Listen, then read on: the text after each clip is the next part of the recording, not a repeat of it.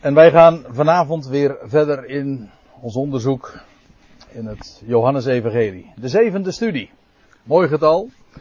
En we zijn trouwens ook weer bij een volgend deel in het Johannesevangelie aangekomen, want we gaan straks beginnen met Johannes 3.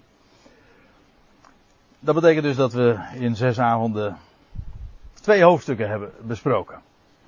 De vorige keer, wellicht is dat nog even nuttig om nog te, in herinnering te roepen. Om uh, me even te beperken dan inderdaad tot alleen de laatste keer. Toen hebben we nog het staartje van Johannes 2, tenminste dat eerste deel van Johannes 2 uh, besproken. Daar gaat het over die geschiedenis, dat eerste teken dat de Heer heeft verricht.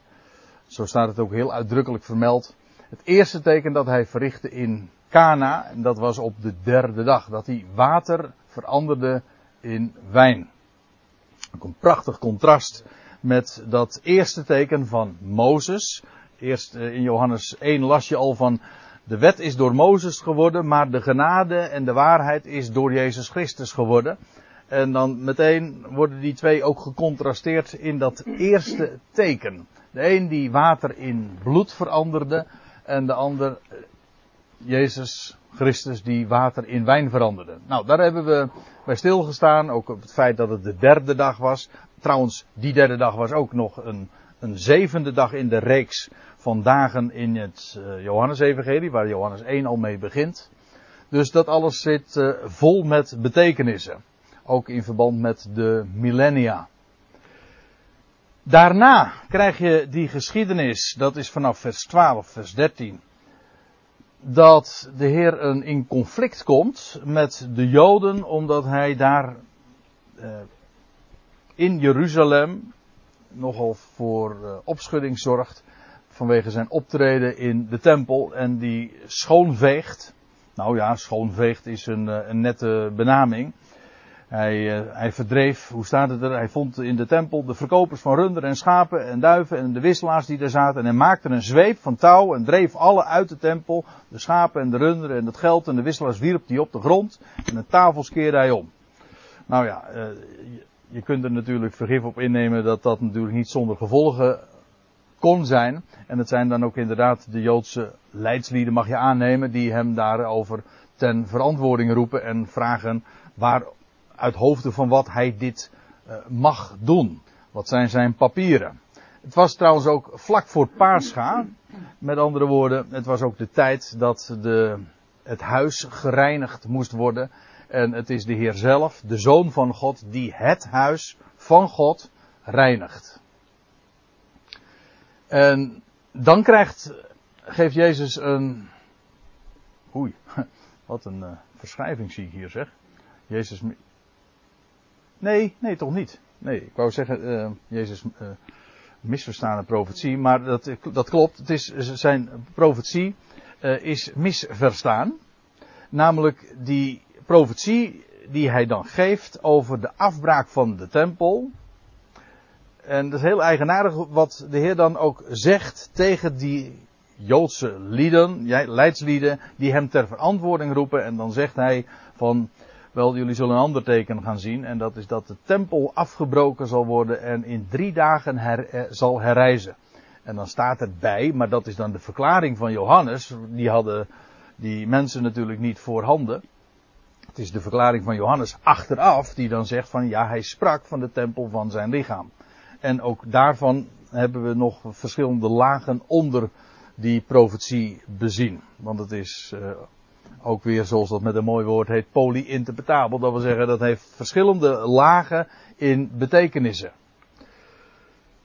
En dan uh, eindigt Johannes 2 met de mededeling dat hij daar in Jeruzalem veel aanhang krijgt. Nou ja, dat is mijn eigen bewoording. Maar er staat, uh, velen geloofden in zijn naam, vers 23, doordat zij zijn tekenen zagen. En de hele wijze waarop dat geformuleerd wordt en vervolgens ook hoe de, wat de reactie daar van de Heer daarop was, daaruit blijkt wel dat uh, Jezus daar geen, of om populair gezegd, geen hoge pet van op had. Want het eigenlijk, het was alleen maar een geloof vanwege het feit dat hij onmiskenbare wondertekenen verrichtte. Die trouwens niet uh, medegedeeld worden in het Johannes-evangelie, wat dat voor tekenen waren. En dat was het laatste waar we ons de vorige keer mee hebben bezighouden. En ik herinner me dat we toen ook over deze versen nog eventjes hebben nagedacht over die mens.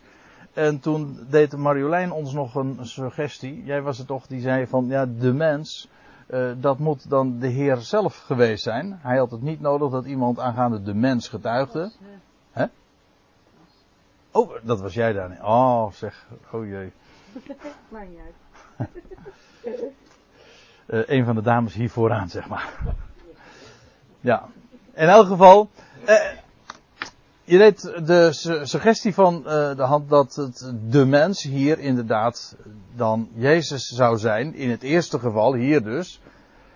Maar dan moet het de mens hier ook Jezus geweest zijn. Dat geeft een zin. Maar toen ik hier nog eens een keer over nadacht, toen vroeg ik mij af, klopt dat wel? Uh, vooral omdat ik toen nog eens een keertje terugkeek in dat 24e vers. Want er staat er maar Jezus zelf vertrouwde zich hun niet toe. Hè, nadat er meegedeeld is van uh, velen geloofden in hem vanwege de tekenen die zij hadden gezien. Uh, maar Jezus zelf vertrouwde zichzelf hun niet toe, omdat hij hen alle kende. En omdat het voor hem niet nodig was dat iemand aangaande de mens getuigde, want hij kende zelf wat in de mens was. Ja, de, de vraag was dus de mens. Wie is dat? Maar ik denk, omdat, juist omdat deze laatste zin in vers 24 loopt eigenlijk min of meer parallel met de laatste zin van vers 25. Hij kende allen. Want hij kende zelf, of ja, dan staat er in de vertaling, hij wist zelf, maar dat staat gewoon in het Grieks exact hetzelfde woord. Hij kende zelf wat in de mens was. Nou, dan moet deze zin parallel lopen met deze. En dan gaat het dus inderdaad over de mensen om hem heen, lijkt mij toch. In ieder geval. Het is wat het is. Het is wat het is, ja. Maar de zin is dan deze, omdat hij hen, hij kende hen allen. Hij vertrouwde zich aan hen, hij kende hen. En het was voor hem niet nodig dat iemand aangaande de mens getuigde. Dat zeggen, hij had het niet nodig hè, uh, om, te om van iemand te vernemen wat in de mens was. Hij wist dat. Want hij kende zelf wat in de mens was. En dan is de mens toch, bij nader inzien, lijkt mij, hier gewoon de mens, of de mensheid, of de mensen om hem heen. En niet uh, de Heer zelf, denk ik. Ik wilde daar nog eventjes op wijzen. Dat is ook om nog een andere reden, want als we nou vervolgens in hoofdstuk 3 aankomen, en daar gaan we nu dus naartoe, dan staat daar in vers 1, en er was iemand uit de Fariseeën. Nou staat er eigenlijk niet iemand, maar er was, er was een mens. Dus opnieuw wordt hier weer gesproken over een mens. Weer exact dat antwoordje, dat woordje anthropos. Hier was gesproken eh, dat iemand aangaande de mens getuigde, want hij wist zelf wat er in de mens was. En er was een mens uit de fariseeën. Dat, kijk, wij hebben die hoofdstukindeling. En, en nu zit er in, voor mij, ons inmiddels drie weken tussen. Maar kijk, dat zijn gewoon zinnen die achter elkaar staan. En er was een mens uit de fariseeën. En Jezus kende ook hem. Ook al kwam die in de nacht en was het allemaal erg donker. Maar hij wist wat in hem was. Dat blijkt dan vervolgens ook wel uit het gesprek. Dus het lijkt mij toe dat ook deze laatste mededeling. En ik geef het gewoon even als, als gedachte zo door. Dat deze laatste mededelingen in vers 24 en 25 van Johannes 2. De opstap zijn ook naar hoofdstuk 3. En dat was een mens uit de Fariseeën. En notabene niet de eerste de beste. We zullen zien, hij was de leraar van Israël. Zo wordt hij genoemd. Zo noemde Jezus hem zelf. Er was een mens uit de Fariseeën en een mens, ja. En ja, dat is trouwens nog een connectie, want we weten, kijk, om nog even daarop terug te komen. Velen geloofden in hem vanwege de tekenen die zij zagen. Maar Jezus vertrouwde zich aan de mens niet toe, want hij wist wat er in hem was. En Nicodemus was ook zo iemand. Die zegt ook, we zullen dat straks zien in het volgende vers, van ja, ik, ik weet, of wij weten, dat u van God gezonden bent, want niemand kan de tekenen doen die gij verricht.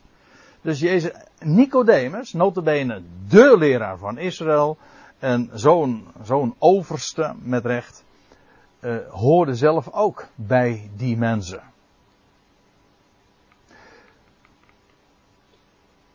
Wiens naam was Nicodemus. Ja. En die naam is letterlijk Nico, dat, uh, dat betekent overwinnaar. En uh, Demus, niet Demus, dat uh, is een, een, een, Nederlandse verhaspeling van, de, van, dat, van die naam. Ja, die dachten, die denken dat de, zijn voornaam Nico was en zijn achternaam Mus, de Mus. Maar het, zijn naam was Nicodemus en dat Demus dat heeft te maken met volk. Dus eigenlijk overwinnaar van het volk. Volksoverwinnaar, dat is het. En het heeft in elk geval ook iets te maken. Die naam staat feitelijk ook wel model voor wie hij was en het aanzien dat hij had te midden van het volk.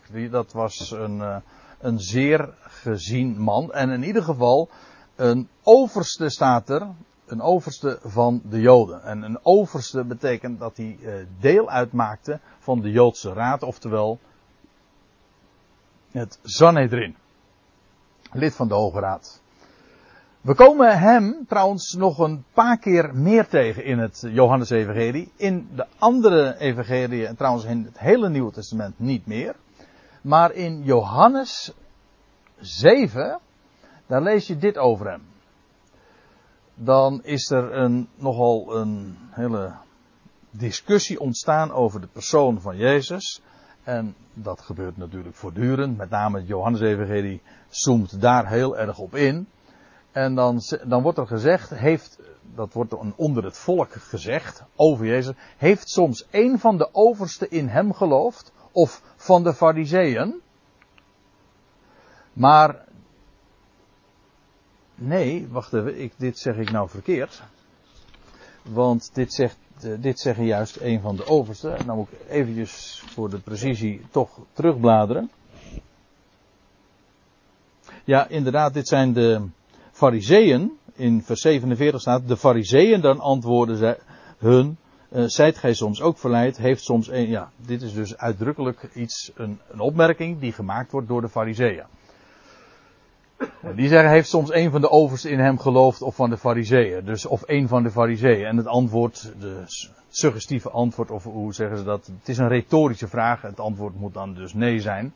Maar die scharen die de wet niet kent, vervloekt zijn zij. Hier spreekt trouwens ook een enorme minachting over het volk. De scharen die de wet niet kent. En zij, zij wisten het allemaal, zij hadden het allemaal in de vingers theologisch onderbouwd als ze waren. En dan te bedenken dat zij zelf juist uh, blijk geven van, uh, van de ergste onwetendheid. juist, dat, juist het feit dat, dat ze blind waren is tot daar aan toe, maar het feit dat ze juist anderen van blindheid beschuldigden en zelf meenden en claimden ook ziende te zijn, het allemaal wel te weten en te zien, dat uh, maakte hen nog, uh, nog blinder dan ze al, uh, dan zij die andere, dan waar zij die anderen van beschuldigden. En dan staat er, en daar gaat het me eventjes om, en in vers 50 staat er dan, Nicodemus, die vroeger tot hem was gekomen, en dat zin speelt uiteraard direct naar de geschiedenissen waar we het vanavond over hebben. Nicodemus, die vroeger tot hem gekomen was, een van hen, en dat een van hen, dat slaat zowel op fariseeën als op oversten. Hij was een van de oversten, lid van het Sanhedrin. En hij was een van de partij, of de secte, maar dan niet in de zin zoals wij over secten spreken, maar een van de partijen, godsdienstige partijen van de Fariseeën. En een van hen, die zei tot hen, dus hij neemt het voor hem op. Laten we het ook eventjes van die kant bekijken. Nicodemus neemt het, gaat het nu opnemen voor Jezus. Of in elk geval zegt hij dan, Veroordeelt onze wet dan een mens, tenzij men zich eerst van hem op de hoogte gesteld heeft en kennis genomen heeft van wat hij doet? Jezus, hij, hij stelt hier een vraag, hè, maar het is wel een hele confronterende vraag. En in het hol van de leeuw, want hij zegt het, ja, al die oversten en eh, het sentiment was natuurlijk enorm tegen Jezus. Daarin de leidende kliek van de overste van de fariseeën. En dan is hij het dan toch maar die het voor deze mens, Jezus, opneemt. En hij zegt van nou, dan laten we, laat je nou eerst eens op de hoogte stellen van wat deze mens zegt en doet, voordat je er een oordeel over aanmatigt. Een uh, zeer verstandig woord lijkt mij. Maar in ieder geval, hier wordt hij dus ook weer vermeld. Eigenlijk als een dappere woordvoerder van, en, en die het opneemt op zijn minst voor Jezus. En dan komen we nog een keer tegen in Johannes 19. En dat is na de, na de kruisiging, als Jezus inmiddels gestorven is. En dan staat er in vers 38 van dat hoofdstuk. En daarna vroeg Jozef van Arimathea, een discipel van Jezus. En volgens mij, maar dat staat hier dan weer niet, dat lees je van Jozef van Arimathea in Matthäus Evangelie, dat hij ook lid was van de Hoge Raad. Dus van het Sanhedrin. Dus in die zin dus ook gewoon direct een collega van, van Nicodemus. Dus ook wel een, eh, een hoge, hoog figuur geweest. Daarna vroeg, een steenrijk trouwens ook, daarna vroeg Jozef van Arimathea, een discipel van Jezus, maar in het verborgene, uit vrees voor de Joden.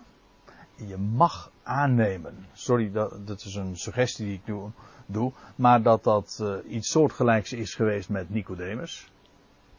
Je kon eigenlijk niet je, je handhaven in die positie uh, en het openlijk opnemen en geloven in Jezus.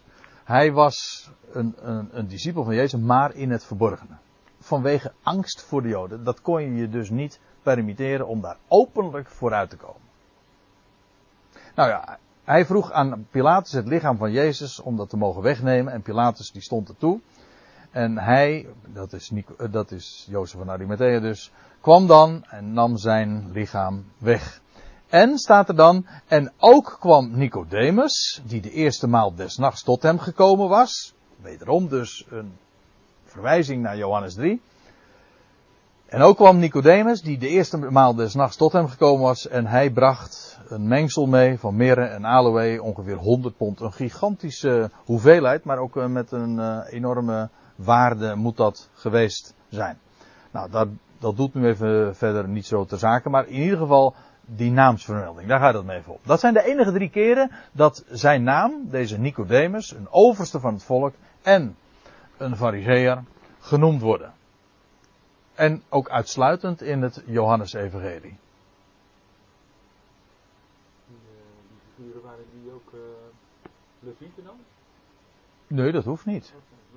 Er even over na te denken, dat je zegt van ja, uh, als het levieten waren, mochten ze natuurlijk niet met een, een dode bezig zijn. Uh, nee, van de priesters niet. Maar, ja, maar een, een lid van het Sanhedrin was niet per definitie dan ook een, een leviet. En een leviet in. Ik weet ook niet precies hoe dat uh, was geregeld hoor. Het enige, we hadden het volgens mij de vorige keer na afloop nog eventjes. Uh, na afloop van de Bijbelstudie over, uh, over Joodse begraafplaatsen. En dat dan toen memoreerde ik eventjes dat, uh, dat je als je dan op een Joodse begraafplaats komt, dat je dan zo'n bordje, ik, weet, ik herinner me dat van de oude kerk aan de Amstel, dat je een grote Joodse begraafplaats hebt. En dan staat er dan dat Kohenim dat niet zomaar mogen betreden. Kohenim, dus mensen met de naam Kohen, maar Kohen is, betekent priester, dus iemand met die achternaam, die is rechtstreeks af, een afstammeling van Aaron, van het huis van Aaron. En dus ook een leviet, uit de stam van Levi.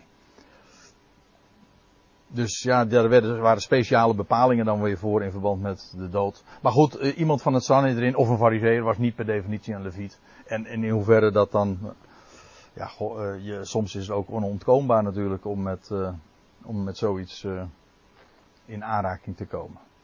Je, was, je was dan alleen gedurende een aantal dagen dan onrein, dat lees je wel, ja. Ja, ja. Ja, ik weet, dat weet ik niet. Meer over deze Nicodemus uh, valt trouwens sowieso niet te vertellen, want uit welke stam die kan weten we dus ook al helemaal niet. Maar hij was een overste van de Joden. Dat weten we wel. Ze namen het lichaam, zij, dat is dus Nicodemus en die Jozef van Arimathea, zij namen dan het lichaam van Jezus. Ze wikkelden het in linnen, win, linnen winsels met de specerijen enzovoorts. Nou ja, daar komen we TZT nog wel eens eh, bij uit. Wellicht. Maar wij gaan verder naar Johannes 3. We hebben het dus gehad. We hebben gezien, eh, deze Nicodemus, die kwam dus naar hem toe. Wie hij was, zijn naam is vermeld. En deze kwam desnachts tot hem. Ja, dat heeft, uh, dat trekt toch wel de aandacht. Waarom nou desnachts uh, hier staat. Ik heb zelfs een verklaring gelezen. En die vond ik in eerste instantie wel erg mooi. Dat het hier zou gaan over de paasnacht. De nacht.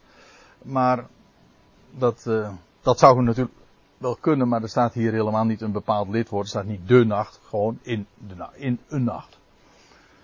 Dus. Of dat. Uh, want in de meeste commentaren, ik heb het ook vaak zo uitgelegd ge, gehoord gekregen. Dat als je als Nicodemus dus in de nacht komt, dat betekent dus dat hij bang was voor de Joden. Dat zou kunnen, dat dat een overweging voor hem geweest is. Net als die Jozef van Arimathea, die ook vrees had voor de Joden. En daarom in de nacht tot hem kwam. Het zou kunnen. Of uh, je kunt het ook positief uitleggen. Om namelijk in alle rust onderwezen te worden. Ik, uh, ik ben een beetje terughoudend persoonlijk om dat zo uh, uit te leggen. Je kunt het ook nog anders namelijk interpreteren en zeggen van ja, het was des nachts, maar dat is eigenlijk ook typologisch. Want die Nicodemus was onwetend. Hij was weliswaar de leraar van Israël, maar hij wordt door de Heer als onwetend aan de kaak gesteld. En feitelijk wandelde tastte die dus in de duisternis. En in die zin kwam die dus ook in de nacht. Nou ja, dat zijn zo van die overwegingen. En in elk geval, het was in de nacht. Laten we het eventjes puur journalistiek opvatten. Het was gewoon s'nachts. Dan, daar lijkt mij weinig mis mee, in ieder geval. Hij, deze kwam des nachts tot hem en, en, en zeide tot hem, Rabbi, want ja, hoe dan ook, Jezus was een rabbi. Dat was iemand die leerde. Als een Joodse leraar.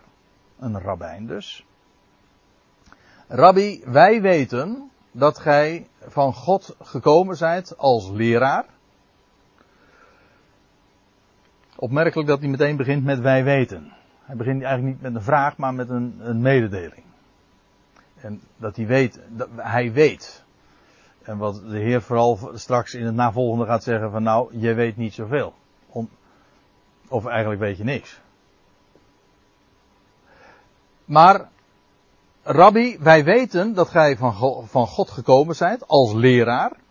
Met andere woorden, Jezus had onderwijs, daar ook in Jeruzalem al heel veel gegeven. En ja, aan dat onderwijs kon Nicodemus zich niet onttrekken om de loutere reden dat God, Jezus, had ja, geaccrediteerd, met, had bevestigd met de wondertekenen die hij deed. Dat was zo duidelijk uh, goddelijk van aard. Want staat er, dat is de verklaring ook die Nicodemus geeft, want niemand kan die tekenen doen uh, welke gij doet. Die tekenen, nou dat zijn dus, dat is diezelfde de reden als ook waarom velen geloofden in Jezus. We vinden dat hier in het Johannes-evangelie, maar ook elders eh, wordt het meerdere keren zo gezegd. Ja, natuurlijk, de schare is verbluft soms door, door dat wat ze zien en wat ze hebben meegemaakt. En daarom kunnen ze zich er niet aan onttrekken dat hij wel van God gezonden moet zijn. Maar ja, dat wil nog niet zeggen dat ze werkelijk ook uh, luisteren naar wat hij te melden heeft. En geloven in wat hij zegt. Later, we zullen dat nog heel vaak, dit, dit, dit fenomeen in het Johannes, met name in het Johannes-evangelie zien. Straks in Johannes 6 uh, krijg je die geschiedenis van die wonderbare spijziging. En dan lees je ook dat de, de massa, die duizenden mensen die daar ge, gespijzigd zijn, uh, zo onder de indruk is en ze willen hem dan koning maken.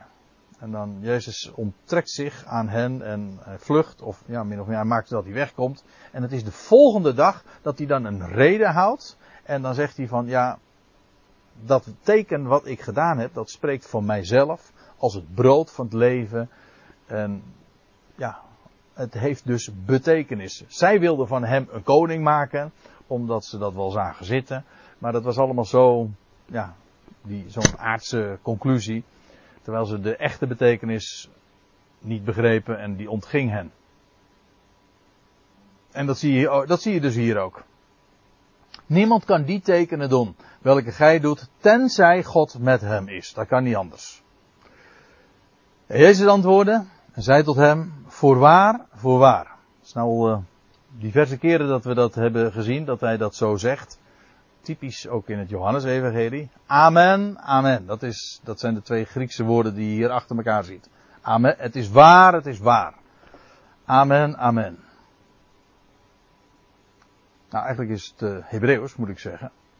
Maar het heeft te maken met, met ja, dat het, waar, dat het waar is. Het is zo, ja. Voorwaar, voorwaar, ik zeg jou, enkelvoud, u. Tenzij iemand wederom geboren wordt, kan hij het koninkrijk Gods niet zien. En je ziet in zo'n reactie dat de Heer totaal voorbij gaat aan dat wat Nicodemus zegt. Die maakt een, ja, laten we wel wezen, waarderende opmerking. En die complimenteert Jezus eigenlijk ook. En met gewoon ja, de vaststelling van ja, het kan niet anders. U bent een leraar van God gezonden vanwege de vele tekenen die we van u zien. En, en de Heer gaat er volkomen aan voorbij. Aan die, aan die mededeling. Hij zegt niet dankjewel. En ik ben blij dat je dat uh, zo erkent. Nee. hij, hij, gaat er niet, hij gaat er niet eens op in. Hij gaat er niet, hij reageert daar in feite niet eens op. Hij zegt meteen, tenzij, en, en, en met nog enorm veel nadruk. Niet slechts door te zeggen amen, maar amen, amen. Ik zeg jou, tenzij iemand wederom geboren wordt, kan hij het koninkrijk van God niet zien. Nou, moeten we even wel uitkijken. In die zin dat we natuurlijk, uh, ja, ik weet niet hoe u dat hebt, maar ik, uh, ik was wel eigenlijk wel erg volgeprogrammeerd uh, met zo'n passage. Johannes 3 is eigenlijk een heel bekend gedeelte, zeker in de, ja, in de kerkelijke wereld, maar ook in de, met name denk ik in de evangelische wereld, is, ja, nou ja, laten we wel wezen, het allerbekendste Bijbelvers komt uit dit hoofdstuk, uit dit gesprek. Johannes 3 vers 16. En uh, dat wederom geboren worden en het koninkrijk God zien en, en sowieso het thema van wedergeboorte. Ja, wij weten daar alles van. En de vraag is dan altijd in hoeverre is die kennis die wij hebben of menen te hebben, in hoeverre komt die overeen met dat wat er staat geschreven. Laten we daar in ieder geval op bedacht zijn. Tenzij iemand wederom geboren wordt. Dat woordje wederom, daar zit al iets, uh, dat kan de betekenis hebben, ook de afgeleide betekenis van opnieuw. Maar daar is een ander Grieks woord voor, dat betekent, dat weder betekent, of opnieuw. Als je een, een concurrentie erbij pakt, dan, het Griekse woord is trouwens anoten, en dat betekent letterlijk van boven. En dat wijst op oorsprong. Ik zal u laten zien hoe dat woord, dit woordje, wat hier gebruikt wordt, anoten, nog meer gebruikt wordt. En dat, dat zou toch echt overtuigend moeten wezen. In Matthäus 27, vers 51, daar, daar lees je dit. En zie, het voorhangsel van de tempel scheurde van boven tot beneden in twee. Hier staat anoten. Dus terwijl het vertaald wordt in Johannes 3 met weder, letterlijk staat er, betekent het van boven. Het, het scheurde niet weder, uh, weder naar, naar beneden in twee of zo. Nee, het was helemaal niet zo. Uh, het scheurde helemaal niet weder. Het, het, was nooit gescheurd. Het is gewoon, het scheurde van, van boven tot beneden. Sowieso al de hele context dat het naar beneden scheuren betekent dus dat het eerst van boven was. Hè? Van boven namelijk. En Johannes 19, daar staat Jezus antwoorden, gij zoudt geen macht tegen mij hebben indien het u niet van boven gegeven waren. Weer dat woordje anoten. Nog eentje. Jacobus. Die zegt in hoofdstuk 1 vers 17. Iedere gave die goed is en elk geschenk dat volmaakt is, daalt van boven neer van de vader der lichten. Weer dat woordje anoten. Nou, ik zou meer voorbeelden kunnen geven, maar uh, hoe is het ook weer? Bij drie getuigen zou een mens toch overtuigd moeten zijn. En anoten betekent gewoon letterlijk dus van boven. En dat is de betekenis die uh, in deze schriftplaats ook heel onmiskenbaar is. Dus, en trouwens, dan heb ik er nog één. Uh, maar dan niet met die betekenis van anoten, of dat woordje, maar die gedachte van geboren worden, of wedergeboorte, of van boven geboren worden. Al veel eerder kwamen dat idee, dat concept, al tegen, in, namelijk in de proloog van Johannes. Het voorwoord van Johannes in Johannes 1, vers 12 en 13. Daar staat, doch allen die hem ja, aangenomen hebben, maar toen heb ik u al verteld, eigenlijk staat er letterlijk ontvingen. ja. Doch allen die hem ontvingen, hun heeft hij macht gegeven, dat eigenlijk volmacht gegeven, het recht gegeven, exousia, dat is het woord, volmacht. Hij heeft hij volmacht gegeven om kinderen gods te worden, hun die in zijn naam geloven. Toen hebben we trouwens al erover gehad, van ja, dat degene die ge, die in de tijd dat de Heer Jezus hier op aarde opereerde, die geloofde in hem, maar kinderen gods konden zij nog niet worden. Dat wil zeggen, het leven uit God konden zij nog niet ontvangen. Dat zouden ze pas ontvangen, namelijk sinds de opstanding van Jezus Christus. Maar toen, in die tijd dat zij hem al ontvingen, hem gelovig aannamen, kregen ze al het recht om kinderen gods te worden. Ze werden het daadwerkelijk toen eh, eh, bij de opstanding van Jezus Christus. En sindsdien wordt een mens dat meteen. Maar eh, in, gedurende die tijd ontvingen ze dat recht. Om kinderen gods te worden, hun die in zijn naam geloven, die niet uit bloed, noch uit de wil van vlees. Dat wil zeggen, het heeft niks te maken met, met afstamming of met bloedbanden. Het heeft ook niet te maken met dat wat de mens op bewerkstelligt of wil. Uh, ook niet wat een man uh, tot stand brengt, maar die vanuit God geboren zijn. Kijk, en hier krijgt dat woordje anoten ineens een hele mooie betekenis. Of het krijgt meteen ook niet alleen een mooie betekenis, het krijgt pas betekenis. Het is namelijk van boven. Hoezo van boven? Wel, van God uitgeboren dus. Dat is het. En natuurlijk kun je verdedigen, ja, maar een mens, aangezien een mens sowieso al een keertje geboren is uit de moeder, en dit dus op een later tijdstip plaatsvindt, is het dus een wedergeboorte. Dus een, opnieuw een geboorte. Dat is waar. Maar de, de, de crux zit hem juist in het feit dat het een geboorte is, een verwekking of een generatie. Ja, nou, daarover straks trouwens nog meer. Van bovenaf, dat wil zeggen van Gods wegen. Hij doet dat. Dat is het. Dus het is maar niet wedergeboren. In wezen schiet je daar niks mee op. Trouwens, dat is eh, precies ook de conclusie die Nicodemus uh, trof van ja, wat schiet ik daarmee op? Als het al mogelijk zou zijn hè, om weer opnieuw geboren te worden. Hm? Dat noemen ze reïncarnatie dan. Hè? Dan word je weer gewoon weer opnieuw de cyclus. Recyclen, ja. Ja, recyclen. Dat is ook weer zo'n uh, zo'n wiel. Hou hem even vast, want daar gaan we het straks nog over hebben. Ja. Johannes 3 vers 3. Jezus antwoordde en zei tot hem, amen, amen. Ik zeg jou, tenzij iemand van boven, want dat, dat, die betekenis houden we erin, want dat is wat er staat, van boven geboren wordt. En nou moet ik ook een kleine aantekening bij maken. Niet dat dit zo direct fout is, maar het is, kijk, geboren worden doe je uit een moeder. Hè? Maar het Griekse woord dat hier staat, dat is genao. En dat is eigenlijk, ja, dat is ons woord genereren. En dat, kan dat verwijst naar het mannelijk. Of, of en, en of het vrouwelijk aandeel in de verwekking. Beide dus. Dus dat genao is dus maar niet alleen uh, geboren worden, dus uh, de bevalling zeg maar. Het is ook niet alleen maar de verwekking, zoals dat plaatsvindt negen maanden voor de geboorte. Dat is het mannelijk aandeel. En het vrouwelijk aandeel is, nou dat is eigenlijk de rest. Daar komt het op neer. Maar met name dan uh, de bevalling. Het, het geboren doen worden. Maar als je daar alleen maar aan denkt, dat is een te smalle gedachte van dat genao. Dat is eigenlijk, het is genereren.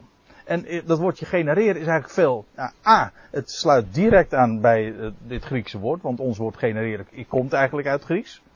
En bovendien is het, heeft het de breedte van dat woord. Namelijk, genereren wil zeggen, ja, ver, verwekken in de breedste zin van het woord. Voortbrengen. Voortplanten. Ja, dat is het eigenlijk ook. Waarbij we zowel denken aan het mannelijk of aan het vrouwelijk aandeel, of eventueel alleen aan het vrouwelijke of alleen aan het mannelijke, maar dat zit niet in het woord zelf. Dat bedoel ik ermee te zeggen. Tenzij iemand dus weder, oh, nee, pardon, van boven gegenereerd wordt, dat is het. Dus we leggen er een beetje de, de loop bij. Tenzij iemand van boven gegenereerd wordt, dit is dus niet, maar dat had Johannes dus al gezegd. Dit is niet uh, wat een, man, een man kan doen. Dit heeft niks te maken met bloedbanden. Dit heeft niets te maken met wat een mens tot stand brengt. Nee, dit is van Gods wegen een geboorte.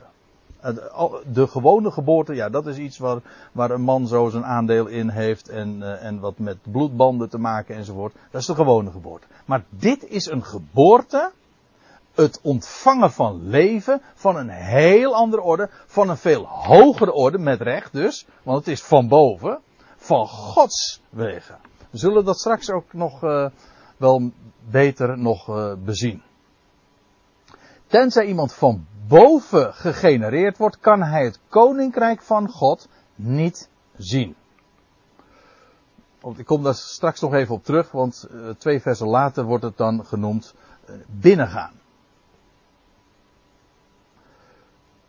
Maar goed, we volgen, vervolgen even het gesprek. Nicodemus zeide dan, en nou demonstreert hij vervolgens in dit vers natuurlijk zijn totale onbegrip. Ik kan me ook voorstellen dat hij op de reactie van de Heer ook verbouwereerd heeft gereageerd. Zeg, wacht even, uh, ik mis de, de aansloes. Hè? Ik, uh, wat is het verband? Nicodemus zei tot hem, hoe kan een mens geboren worden als hij oud is? Hm? Nou, ik hoef, die, ik hoef dat onbegrip verder niet uit te leggen, want dat, uh, dat, dat ligt er gewoon uh, duimendik, duimendik uh, bovenop. Kan hij dan voor de tweede maal in de moederschoot ingaan en geboren worden? Dat is dus inderdaad wat wij dan reïncarnatie noemen. Dat je weer opnieuw geboren wordt. Maar ja, dat is dan weliswaar een tweede maal, maar daar schiet je niks mee op. Dat is niet van bovenaf. En Jezus antwoordde, en opnieuw weer die enorme sterke nadruk met amen, amen. Ik zeg jou, tenzij iemand gegenereerd wordt, want we houden die erin. Tenzij iemand gegenereerd wordt uit water en geest, kan hij het koninkrijk gods niet binnengaan. En neem me niet kwalijk, maar opnieuw komt het op mij, in eerste instantie als ik dit lees, heel cryptisch over. Ik, uh, we hebben het er al, al, nu al diverse keren volgens mij zo in de bespreking van het Johannes-evangelie over gehad. Dat uh, het Johannes-evangelie de reputatie heeft natuurlijk een hele simpele evangelie te zijn. Omdat het zo zwart-wit is, zo contrastrijk. Dat is waar. Maar simpel is het allerminst. Ik bedoel, neem nou, lees nou zo'n gesprek. dan, dan moet je toch wel even heel goed over nadenken van, van waar gaat dit eigenlijk over? Precies zoals Nicodemus, precies zoals Nicodemus erop gereageerd heeft. Laten we hem, laten we niet, uh, ondanks het feit dat hij dan in de nacht kwam, niet zwarter maken dan hij is. Uh, dit is, het is heel begrijpelijk dat hij zo, zoveel onbegrip is. Want het is nog wat wat hier, hier zegt. Maar laten we, laten we vooral naar het onderwijs van Jezus luisteren. Voor Amen, amen. Ik zeg jou, tenzij iemand gegenereerd wordt uit water en geest, kan hij het koninkrijk gods niet binnengaan. Dat water en geest, ja, daar, hoe kan het ook anders? Dit uh, refereert aan plaatsen in het Oude Testament. En dat is wat je dat, het hele idee van dat geboren worden van Gods wegen, van boven dus geboren worden of gegenereerd worden, ja, dat is thema, thematiek die al in de schriften staat, staat opgetekend. Dat is ontzettend belangrijk. Dat, dat, is ook de enige manier om, om dit gesprek te begrijpen, want we zullen dat straks zien. Het is Jezus zelf die het Nicodemus kwalijk neemt, notabene als de leraar van Israël, dat hij deze dingen niet weet. Hij zegt, zijt gij de, de leraar van Israël en weet je deze dingen niet? Met andere woorden, jij wordt, jij wordt gewoon geacht dit te weten.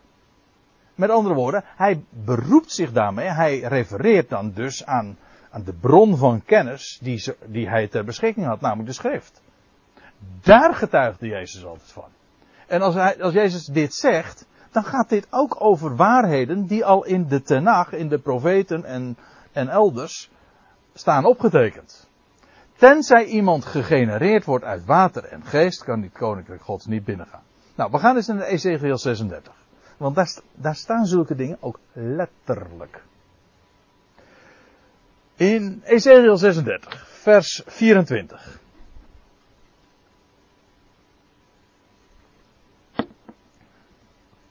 Ezekiel 36. Nou ga ik een, een, beetje een rare opmerking maken natuurlijk, want dat lijkt een open deur in trappen. Ezekiel 36 gaat vooraf aan Ezekiel 37. Ja, maar dat is, dat is dat hoofdstuk ja, Fred, dan steek je nog eens wat op, hè? ja. Maar uh, Ezekiel 37, ik zeg het omdat Ezekiel 37 een begrip is. En dat gaat over opstanding. Nieuw leven. Weet u wel, die herrijzenis van al die dorre doodsbeenderen. Die, waar Ezekiel eigenlijk helemaal niks meer, uh, geen stuiver voor gaf, om zo te zeggen. Ja. Zullen die herleven? Ja, gij weet het, zegt Ezekiel dan. Nou, dat is Ezekiel 37. Maar wat gaat daar direct aan vooraf? Nou, dat is deze passage. Ezekiel 36. En dan zegt God zelf, bij, bij monden van Ezekiel, ik zal, ik heb het, ik heb het eventjes iets verder gedrukt. Dat ik zal. Dat is heel, dat is weer een aaneenschakeling van ik zal. Dat is, dat zijn goddelijke beloften. Ik zal u, jullie, weghalen uit de volkeren. Het gaat uiteraard, dat lijkt me ten overvloede als ik dat erbij zeg, maar het gaat hier uiteraard over Israël. Ik zal jullie weghalen uit de volkeren. Het gaat hier maar niet over de Babylonische ballingschap, dat, maar het gaat hier over een, een, een bijeenverzameling uit alle volkeren. Uit de volkeren en u bijeen vergaderen uit alle landen. En ik zal u brengen naar uw eigen land. God zelf doet, zal dat doen. Hij staat daar voor garant. En dan komt het, vers 25. Ik zal rein water over u sprengen en ge zult rein worden. Gij zult rein worden. Ook hier, dit is niet je moet rein worden. Dat, dat is, ik zal rein water over u sprengen en jullie zullen rein worden. Dus ook dat is trouwens een belofte dus. Hè? Ge zult rein worden van al uw onreinheden. En van al uw, afgo van al uw afgoden zal ik u reinigen. Rein water. Waar zou dat nou mee verband houden? Natuurlijk kun je dan erop wijzen dat uh, de Joden en het volk Israël heel sterk vertrouwd waren met het doopritueel en met reiniging door water. Dat deden ze bij allerlei geregenheden. En het was niet voor niks dat Johannes de doper kwam in water en daar in de Jordaan, daar dat volk ter voorbereiding van de Messias om de weg te bereiden, het volk doopte. Natuurlijk, dat is waar. Maar dat is slechts een beeld. Dat zei Johannes ook al. Het gaat natuurlijk om dat waar water een beeld van is, namelijk van het woord van God.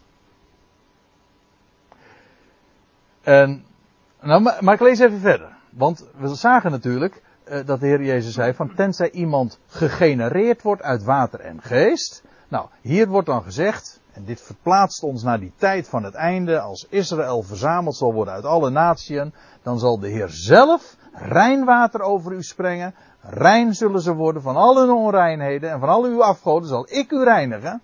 Een nieuw hart zal ik u geven, hier weer, zal ik u geven. En een nieuwe geest. Een nieuwe geest in uw binnenste. Het hart van steen zal ik uit uw lichaam verwijderen. En ik zal u een hart van vlees geven. Dat wil zeggen, een echt, geen steenhart, een levend hart.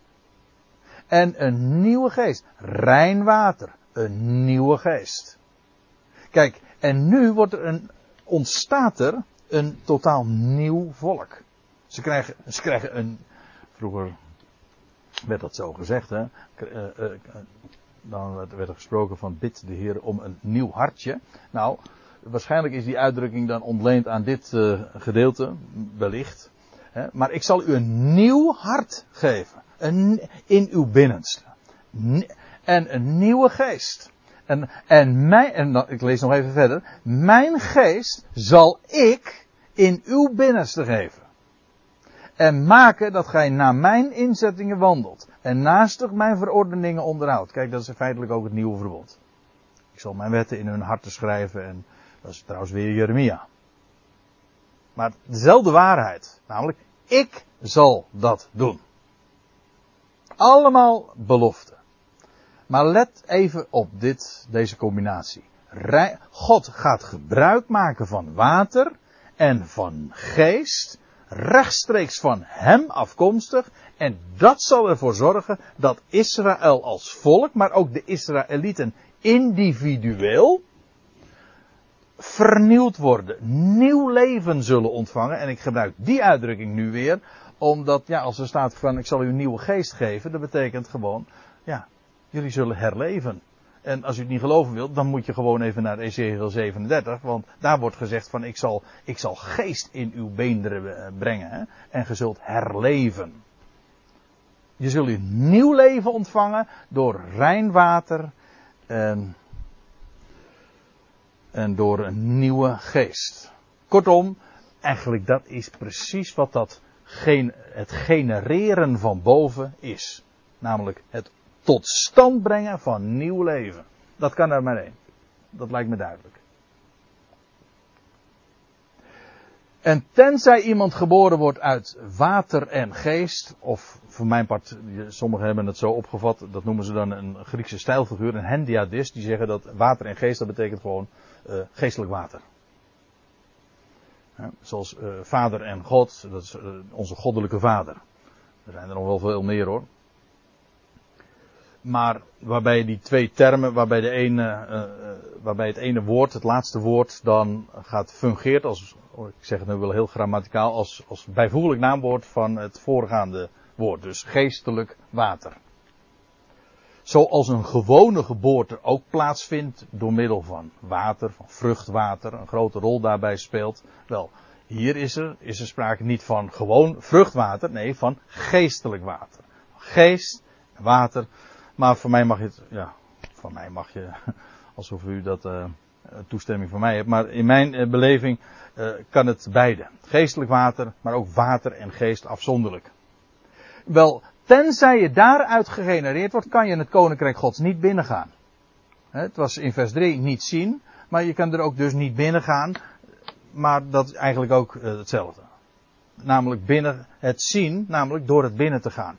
Maar blijf even nog in de gedachte bij dat, die voorzegging in, in Ezekiel 36. Want daar staat dus in verband met dat de toekomende dagen, daar staat er, Israël zal wedergeboren worden, zal nieuw geest krijgen en door, wa, door rein water zal ze nieuw leven ontvangen. En dan zal inderdaad het koninkrijk komen over Israël en daarmee ook over de volkerenwereld. Dat is het onderwerp van Ezekiel 36 en 37.